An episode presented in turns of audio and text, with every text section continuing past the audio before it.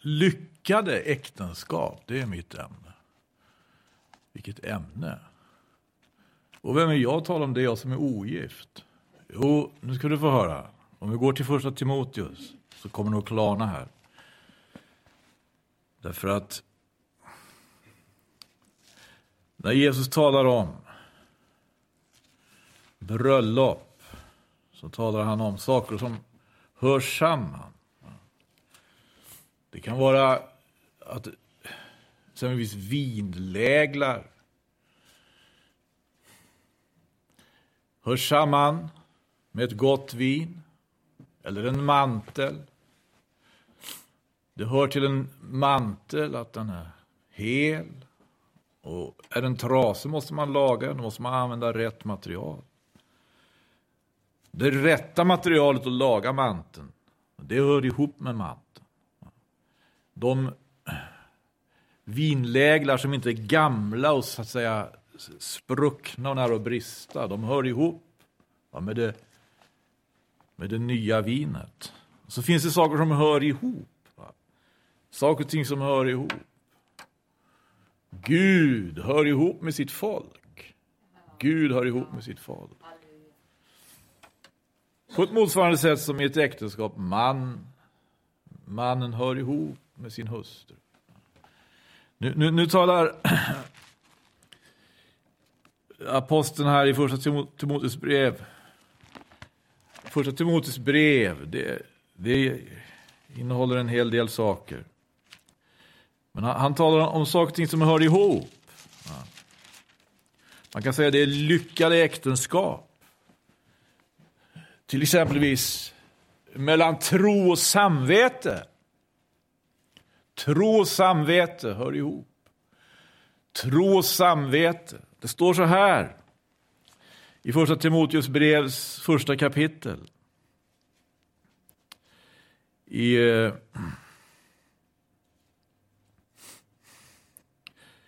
slutet där.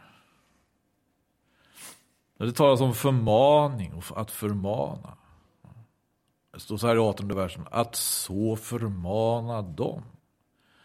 Det ålägger jag dig, min son Timoteus, i enlighet med det profetord som en gång uttalades över dig. Må du i kraft av dem strida den goda striden, rustad med tro och med ett gott samvete. Rustad med tro och med ett gott samvete. Mot bakgrund av profetord. Det här är väldigt allvarligt därför att det säger oss någonting. När aposteln undervisar här så går han, han kan, man kan säga han tar upp ämnen. Han tar upp det ena efter det andra. Men de här ämnena liksom, de hänger inte i luften. Utan det visar sig samtidigt som att som det är olika ämnen så är det så väldigt alltså, eh, personligt. Det är så väldigt personligt. Därför så talar ju aposteln, han talar inte om Gud i allmänhet. Han talar om den erfarenheten han gjorde på Damaskusvägen. Han mötte Jesus Kristus. Han talar inte om människan i allmänhet. Han talar om sig själv och sin erfarenhet. Och visar alltså att det är väldigt viktigt att vi människor eh, förstår sanningen om oss själva. Och därför så finns det ett annat lyckat äktenskap. Om det här hör ihop så är det så att säga, kan man jämföra det med ett lyckat äktenskap. Det står så här i andra kapitlet. Eh, I andra kapitlet står det om vad, vad som är Guds vilja. Vad vill Gud? Det står så här i fjärde versen. Gud vill att alla människor ska bli frälsta och komma till kunskap om sanningen. Alltså hör frälsningen samman med sanningen. Tron hör samman med samvetet och frälsningen hör samman med sanningen. De trivs bra tillsammans.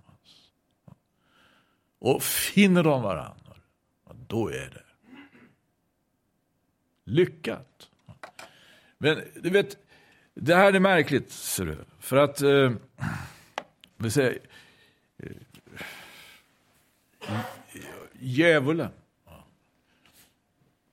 Jag skulle kunna säga, låter kanske också hemskt. Djävulen kan allt. Han kan allt. Men han, hans, hans, han kan allt från den mörka sidan. Från den mörka sidan. Vet, han kan allt, men det är ett problem. Han vet inte vad som är viktigt. Han kan allt därför han har varit överallt. Han kan allt för han har varit överallt. När vi, när vi, när vi läser Jobs bok då ser vi hur, hur Guds änglar samlas inför Guds tron. Och så kommer, så kommer en av änglarna. Kallas för åklagaren. Och när Herren ser honom så frågar han, varifrån kommer du? Så säger han, från en vandring utöver jorden, från en färd omkring på den. Så han har varit överallt. Han har varit överallt. Han har sett allt. Han praktiskt taget kan allt. Allt. Han är informerad om allt, men han vet inte vad som är viktigt. För, för att han ska få veta vad som är viktigt måste han komma inför Gud och det vill han inte gärna göra. Det vill han inte gärna göra. En gång så Eh, kunde han det, numera kan han inte det som regel. Han kan inte det. Men ibland så vet du, så har det hänt. Det här hände det. Han kom inför, han kom inför Gud. För han, han visste allt, han hade varit överallt, men han, han visste inte vad som var viktigt. Men så kom han inför Gud och så fick han veta. det. Vad var det som var viktigt? Det som var viktigt var relationen mellan Gud och hans tjänare Job. Det var viktigt. Och så fort han får veta det så angriper han. Så fort han får veta vad som är, då angriper han. Ibland angriper han utan alltså att veta egentligen. Bara för att han kanske får veta det då. Därför angriper han ju så ofta också. Och så häftigt. Vad var det som var viktigt? Det var relationen mellan Gud och hans tjänare jobb. Därför det var, ett, det var ett, på sätt och vis eh, det var, ett, det var ett rikt förhållande på sätt och vis. Det var ett rikt förhållande mellan Gud och jobb. Därför jobb aktades för att vara rättfärdig av Gud själv. Och Herren säger, har du gett akt på min tjänare jobb? Ty på jorden finns icke hans like i rättfärdighet. Ingen som så fruktar Gud och fly det onda. Vad det jobb gjorde. Frukta Gud och flydde det onda. Frukta Gud och flydde det onda. Därför visste det onda inget om honom. Det onda visste inget om honom. Först när det onda kom inför Gud fick det onda veta något om. Då fick han veta vad som var viktigt att angripa. Och han angrep. Vad han angrep. Han angrep det här förhållandet. Det finns en verkligt märklig treenighet ska du veta. Det talar första Timoteus brev. En treenighet talar andra Timoteus brevet om också. En treenighet finns hos människan. En trefall, en märklig trefall. Det står om den här också i, i första Timoteus första kapitel. Nej, därför att vi läste om förmaning här. Då står det om en förmaning som inte saknar innehåll. En förmaning som inte är platt, en förmaning som inte är tom. En förmaning som har ett väldigt innehåll. Det står så här i vers 5. Att förmaningens ändamål i första kapitlet, i första Timoteus, är kärlek av ett rent hjärta och av ett gott samvete och av en oskrymtad tro. Förmaningens ändamål är kärlek av ett rent hjärta och av ett gott samvete och av en oskrymtad tro. Vem, vem har detta? Den som förmanar. Nej, nej, nej, nej, vänta nu, inte bara förmana, inte bara förmana. Den som förmanar på det viset som Gud vill, på det sätt som är efter Kristi sinne. Han representerar denna trefall. Vad talar denna trefall om? Det talar om ett rikt förhållande till Gud. Ett viktigt förhållande. Mycket viktigt förhållande. Därför är församlingen så oerhört viktig. Du. Därför är församlingsgemenskapen så oerhört dyrbar. Hörru. Ja. När, det, när det är som det ska. När det finns det som ska finnas. Ja. När förhållandet mellan Gud och människa är upprättat och är som det bör vara. Det är ju inte det utan vidare. Det är ju inte det utan vidare. Därför så måste vi gång på gång också konfronteras med den smärtsamma sanningen om oss själva. Liksom aposteln Paulus måste gång på gång påminna om det. Som faktiskt var väldigt allvarlig sanning. Han talar om sin, sin eh, det står så här, det står så här. I vers 12. Vår Herre Kristus Jesus, som har givit mig kraft, tackar jag för att han har tagit mig i sin tjänst och funnit mig vara förtroendevärd. Mig som förut var, hör här vad han var, en hädare, inget mindre än det. Och förföljare, inget mindre än det. Och våldsverkare. Han var en hädare och förföljare och våldsverkare. Det var sanningen om honom. Vad är sanningen om dig och mig? Det finns en gräns i våra liv, det borde finnas det. Va? Ett förr och ett nu. Det vi var en gång. Och det vi är nu, det borde finnas en gräns någonstans. Om vi är hans efterföljare. Gud i himlen. Det har skett någonting då. Det har skapats någonting i oss. En Förutsättningar för att äga någonting var då ett förhållande till honom själv. Tidigare hade vi inte det. Tidigare hade vi ett förhållande till självaste Satan. Ja. Vi var hedare och förföljare och våldsverkare. Sådana var vi. Eller så var vi andra saker, minst lika fula och förskräckliga saker. Vad är sant om oss, så som det var sant om den mannen så är det sant om oss. också. Det fanns en sån. Och det där sitter kvar, vet du. Det vill sticka upp huvudet. Men det står så här, men barm, barmhärtighet vederfors ju oss. Barmhärtighet vederfors mig. Eftersom jag icke bättre visste när jag i min otro handlade så. Och vår Herres nåd blev så mycket mer överflödad med tron och kärleken i Kristus Jesus. Här har vi det. Där upprättas någonting. Det är, det, det, som, det är det som det handlar om. Det är det som är det viktiga. Det här vet djävulen ingenting om! Förrän han blir upplyst om det. Och det ser han till att bli. Och får han inte komma inför Gud, vet du, så angriper han bara. Angriper tills han får fot fatt i det här. För att om möjligt göra det till intet, för att om möjligt göra det till intet. Och i den här tiden, den yttersta tiden, vet vi, så är han ju oerhört aktiv. Oerhört aktiv. Fruktansvärt aktiv med en hel armé av, så att säga, för det förbereds för, vet du, att om möjligt förvirra eller förvilla jämväl det utvalda om möjligt förvilla jämväl.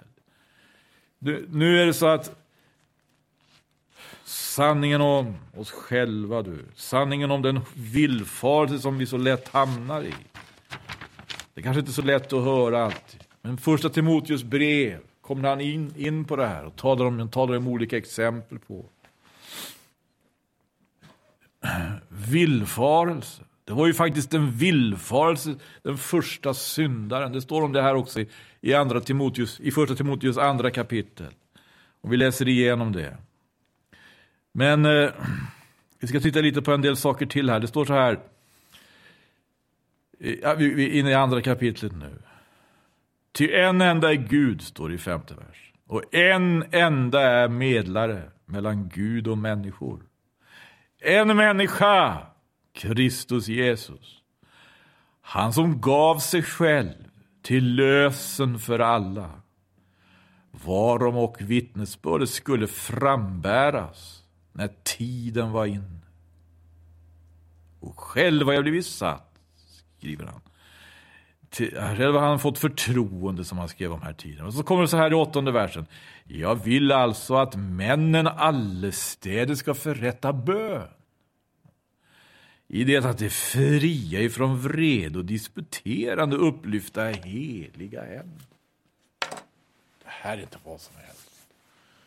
Jag tror, jag tror, vi blev påminna häromdagen, jag vet inte, var det inte någon som sa någonting om, om ordet och bönens tjänst?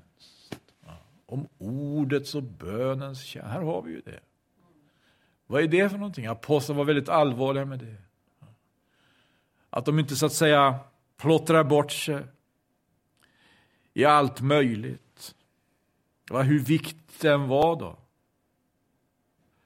Så fanns det något som de måste hålla på, som, som, som de inte fick släppa. Det var ju ordets och bönens tjänst. Ordets och bönens tjänst. Här, här beskrivs det för oss. Det står så här, jag vill alltså att männen allestädes ska förrätta bön i det att det fria ifrån vred och disputerande upplyfta heliga händer. Vilken, vi, vi, va? Det här är församlingen! Det här är det rika förhållandet Gud vill ge åt människor som accepterar sanningen om sig själva. Och sanningen om Jesus Kristus kan aldrig vara någonting som hänger. Det här måste vara personligt. Det måste mötas på det personliga planet. Gode Gud. Finns det här ordets och bönens tjänst. Ordets och bönens tjänst. En, en miljö alltså, eh, och ett, ett, så att säga, Alltså, det, det, det, är inte, det är inte diskussioner. Inga diskussioner. Du förstår, du förstår Gud har placerat församlingen någon helt annanstans. Än, än, än alltså där världen har placerat sina ideal. Världens ideal, världens så att säga exempel. Dit hör ju faktiskt att debattera och diskutera, parlamentera, parlamentera. Man ska höra så många som möjligt. Man ska höra så många röster som möjligt. Man ska väga i för och emot. Ja, det där har naturligtvis sin betydelse. Det har naturligtvis sin betydelse, men i det här fallet så kallar Gud, står det männen till att eh, till bön. Och utan diskussioner, utan diskussioner. Fattar? Eh, det här är väldigt känsliga frågor, väldigt allvarliga frågor. Och det är naturligtvis eh, någonting annat än, ska vi säga, en, en, ett religiöst hyckleri där man liksom säger här får ni inte diskutera, här får ni inte prata. Därför det här är helig plats. Och så säger man det är en helig plats. Och så bygger man en kyrka och så ett altare och en altartavla och säger en helig plats. Ja. Här ska ni vara tysta, här ska det vara andakt.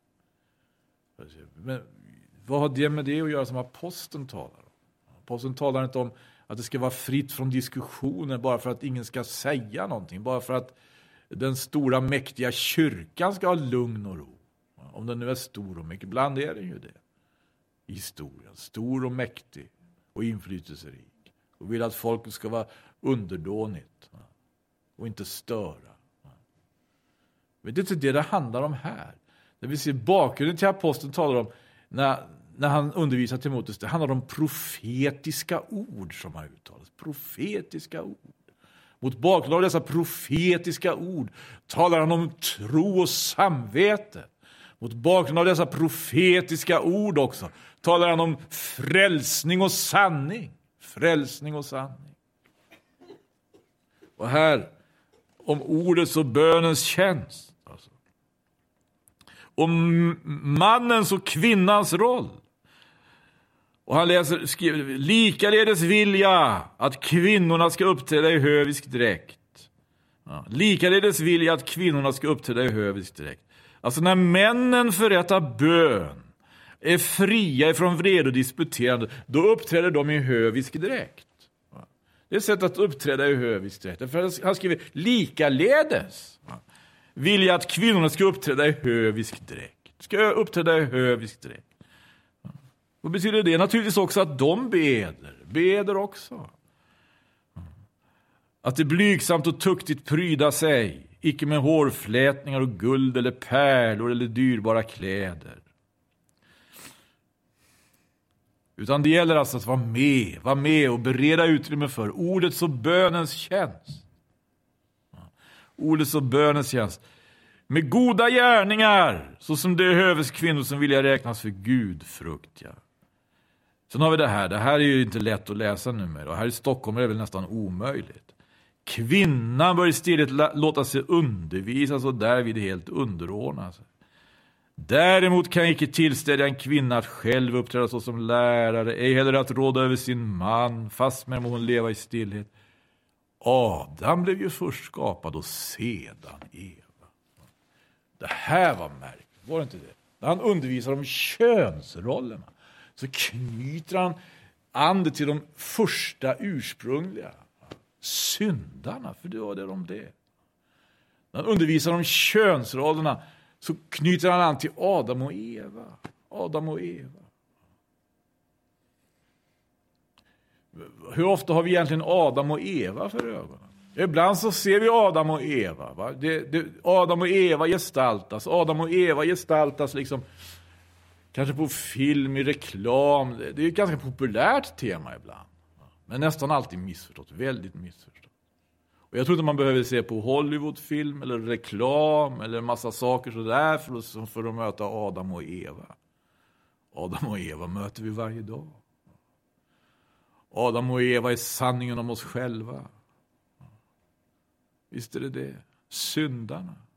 Det är sanningen om oss själva. Vad var det som... Eh, vad var det här för en? Adam blev icke bedragen. Har ni hört? Men kvinnan blev svårt bedragen och förleddes till överträdelse. Nu har väl ändå Paulus fallit för den manschauvinistiska frestelsen. När han påstår att Eva inte blev bedragen, att, man, att Adam inte blev bedragen. Hur kan han påstå något sånt? Han blev inte bedragen av djävulen. Han blev inte bedragen av djävulen. Det var inte, det var inte djävulen som erbjöd honom äpplet. Han fick äpplet av Eva. Och Det var alltså inte det slaget av bedrägeri. Det var inte det slaget av bedrägeri som Eva utsattes för. Varför påstås det att Eva inte blev bedragen? Att, att Adam inte blev bedragen. Har ni tänkt på det? Adam blev icke bedragen. Vi kanske inte har hört hela berättelsen. Är det troligt att djävulen kom först till Eva? Kan det inte vara så att han kom först till Adam? Men Adam var beredd. Och han sa nej. Så Adam kunde stå emot djävulen, men Eva kunde inte stå emot. Förstår ni vilket ansvar ni har, systrar? Eh, kvinnan blir svårt bedrag eller störelse. Dock ska kvinnan under det hon föder sina barn vinna frälsning och hon förblir i tro och kärlek och helgelse med tuktigt vett. Går det att läsa det här i Stockholm? Med biskop Eva. Mitt i stan. Ja, så här står det i alla fall. Vi har sett att tro och samvete hör ihop. Vi har sett att frälsning och sanning hör ihop. Och så kommer han in på att tala om församlingen här. Det är faktiskt undervisning om församlingen i tredje kapitlet. Han talar om församlingen i dess ämbeten i tredje kapitlet.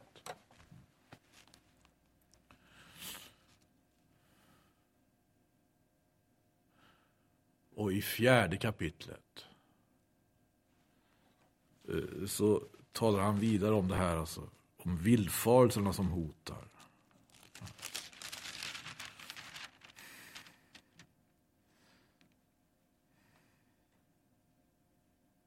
Gode Gud. Som vill angripa. Som vill förvilla om möjligt förvilla jämväl de utvalda. Om möjligt förvilla jämväl de utvalda.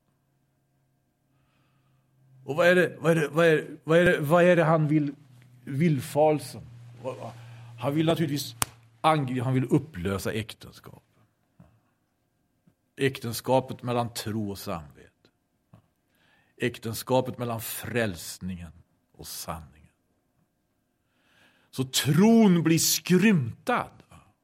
För det blir den utan, utan samvetet. Och frälsningen blir falsk. Därför det blir den utan sanning. Och då är vi inne på religionens så att säga, territorium. Och allt möjligt flummigt. Det handlar inte om det här mötet med Jesus. Det handlar inte om den här bestämda gränsen mellan det som var och det som är. Det som han skapar. Gode Gud, det här var inte lätt. Led i bönen, led i bön, så får vi se om vi får, får komma igenom här. Jesus Kristus.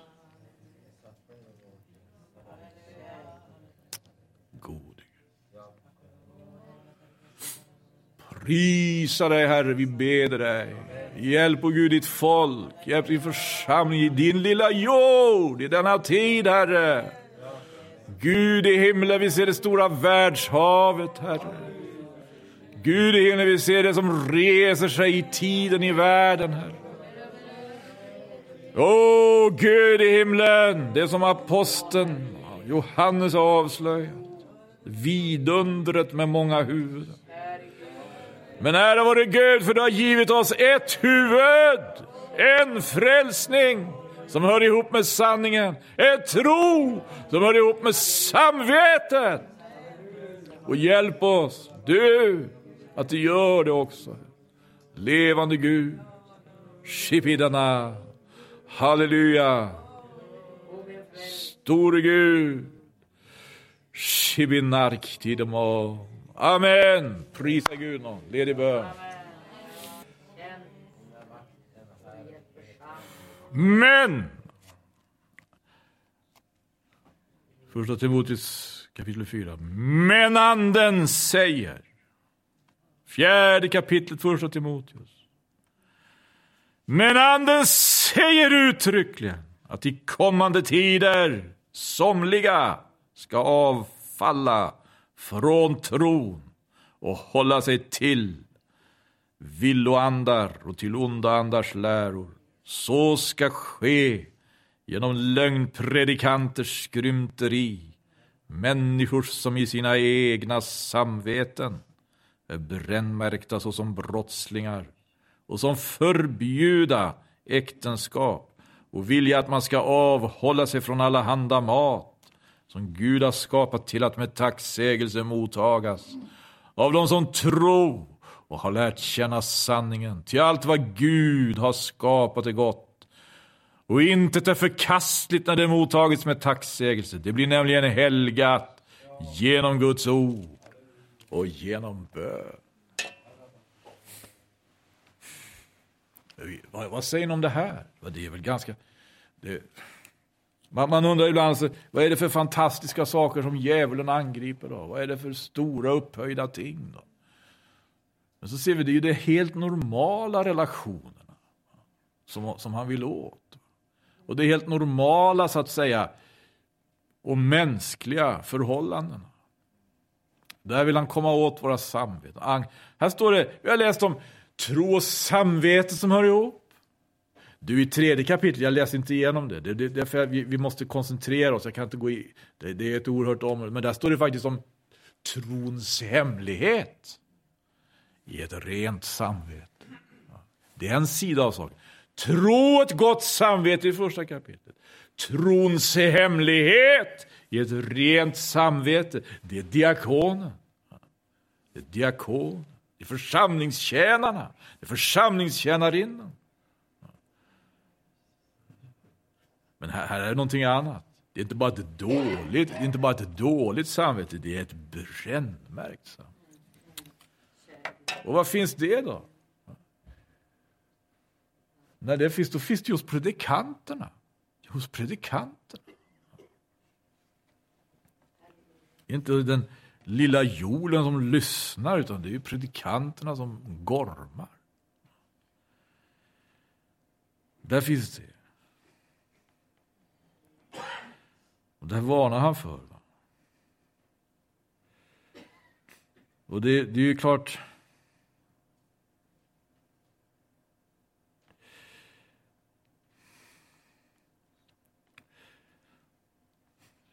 I det femte kapitlet så talar han om eh, enskilda församlingsmedlemmar. Man kan säga i det femte och det början av det sjätte kapitlet, enskilda församlings...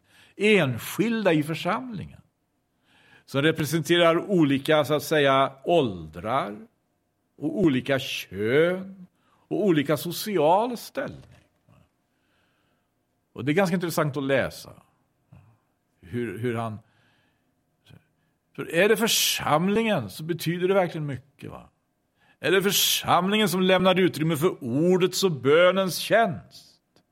På ett sånt sätt att det är värt alltså att säga nu är det slut med alla diskussioner. Det måste vara stilla bröder, nu måste vi bedja. Det måste vara stilla bröder och systrar. Nu måste vi bedja, vi måste se till att i våra normala, eh, de av Gud skapade normala relationerna eh, så har ordet och bönen alltså en central plats. Därför det vi sysslar med i vardagen, det mest, alltså det är helgas, står det, genom Guds ord och genom bön. Och sen kommer de enskilda församlingsmedlemmarna de enskilda församlingarna. Det kan vara äldre, det kan vara yngre. Men alla hör ihop och alla hör samman omkring det här ordets och bönens tjänst. Ordets och bönens, allt när, när, när, när det får höra ihop. De äldre, de yngre, männen, kvinnorna, arbetsgivare, arbetstagare, med den tidens språk, herrar och slavar.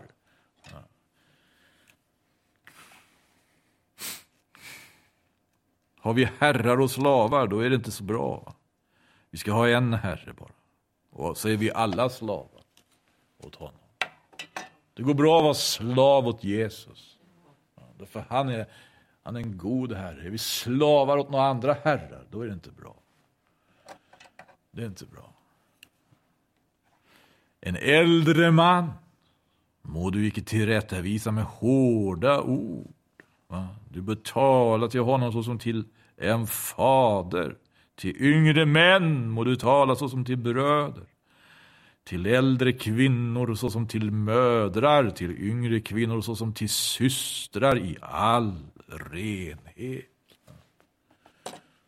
När vi har läst det här, då läser vi om det som är frukten av oss. Att Gud har fått utföra ett underbart verk. Församlingsgemenskap, de enskilda i församlingen.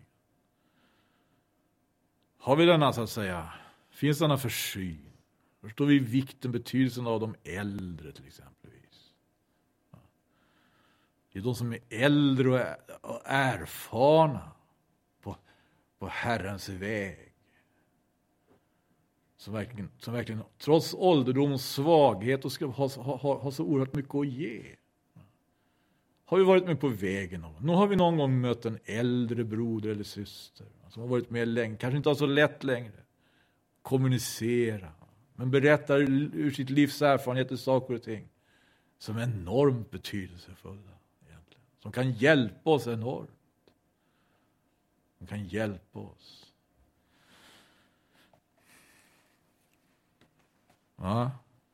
Sådana skulle vi egentligen gärna söka upp och se till att vara hos och, och med. Enormt det här första Timoteusbrevet. Och jag, jag, bara rör vid det lite här. Det finns mycket mer naturligtvis. Det finns mycket mer. Jesus Kristus.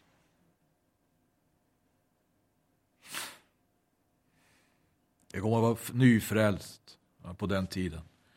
Jobba som socialassistent Eh, och av någon anledning så fick jag ta hand om eh, varje dag gå med mat till en äldres så att säga, eh, kvinna som hade varit pingstvän hela sitt liv. Hon var väldigt gammal.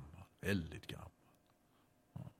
Varje gång jag kom dit så skulle hon läsa ett bibelord. Skulle läsa ett bibelord. Och varje gång så läste hon samma bibelord. Varje gång så läste hon. Men hon, hon läste med sån känsla. Så det var, det, var, det var värt att höra varenda gång.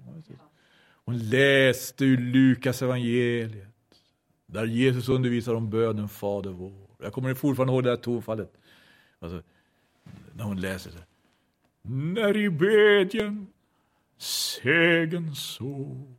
Det var, det, var, det var någonting som, alltså, jag förstod, det, var, det fanns någonting av erfarenhet.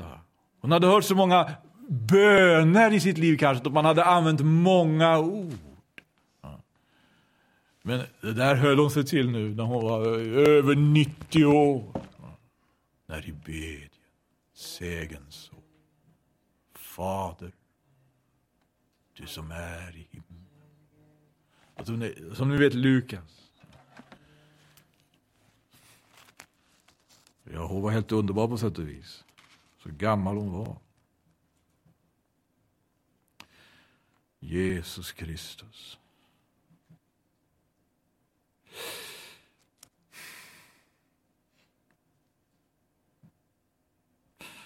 Fylld av denna fråga på sätt och vis som lärjungarna ställde. Herre, oss, lär, lär oss bedja, så som också Johannes lärde sina lärjungar. Det var ju då, det var ju då han sa det. Herre, lär oss bedja, så som också gör att ordets och bönens tjänst får komma till sin rätt. Att den får komma till sin rätt. Och därmed hela församlingen, hela gemenskapen, Ordets och bönens tjänst. Vad betyder det att upplyfta heliga händer? Vad betyder det att det, inte, att, vad betyder det, att det är slut med vred och disputerande? Det finns mycket vred och disputerande. Det hör, det hör till. Det hör till ett demokratiskt samhälle, det får vi tacka Gud för. Men här handlar det om kallelse. Och här handlar det om gudstjänst. Hör det också till ett demokratiskt samvete, eh, samhälle, får jag fråga? Ibland funderar man. Håller det på att försvinna helt? Ja, ja, tacka Gud någon igen här då. Så ska vi se om vi kan avsluta det här. Det finns nämligen ytterligare ett lyckat äktenskap. Som jag skulle vilja säga några ord om. Tro, gott samvete. Trons hemlighet och ett rent samvete. Frälsning och sanning, prisa Gud. Ledig bön.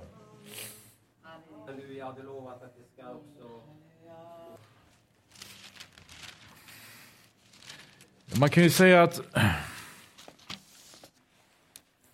han talar om vårt förhållande här till olika saker. Det handlar också om vårt förhållande till de materiella tingen här i slutet. Och då kommer han in på det här. Just igen då i tredje versen i kapitel 6. Om någon förkunnar främmande läror och icke håller sig till sunda ord, vår Herres Jesu Kristi ord, och till den lära som hör Guds fruktan till, då är han förblindad av högmod och detta fastän han inte förstår, utan är så som från vettet i sitt begär efter disputerande och ordstrider, vilka vålla avund, kiv, smädelser, ondskefulla misstankar och ständiga tvister mellan människor som är fördärvade i sitt sinne och har tappat bort sanningen. Människor som menar att gudsfruktan är ett medel till vinning. Och så hör här, här har vi det här lyckade förhållandet, verkligt lyckade. Ja, Guds fruktan i förening med förnöjsamhet är verkligen en stor vinning. Och det är det djävulen vill angripa. Vet du. Det är det han har angripit. Det där vill han söndra, förstår du.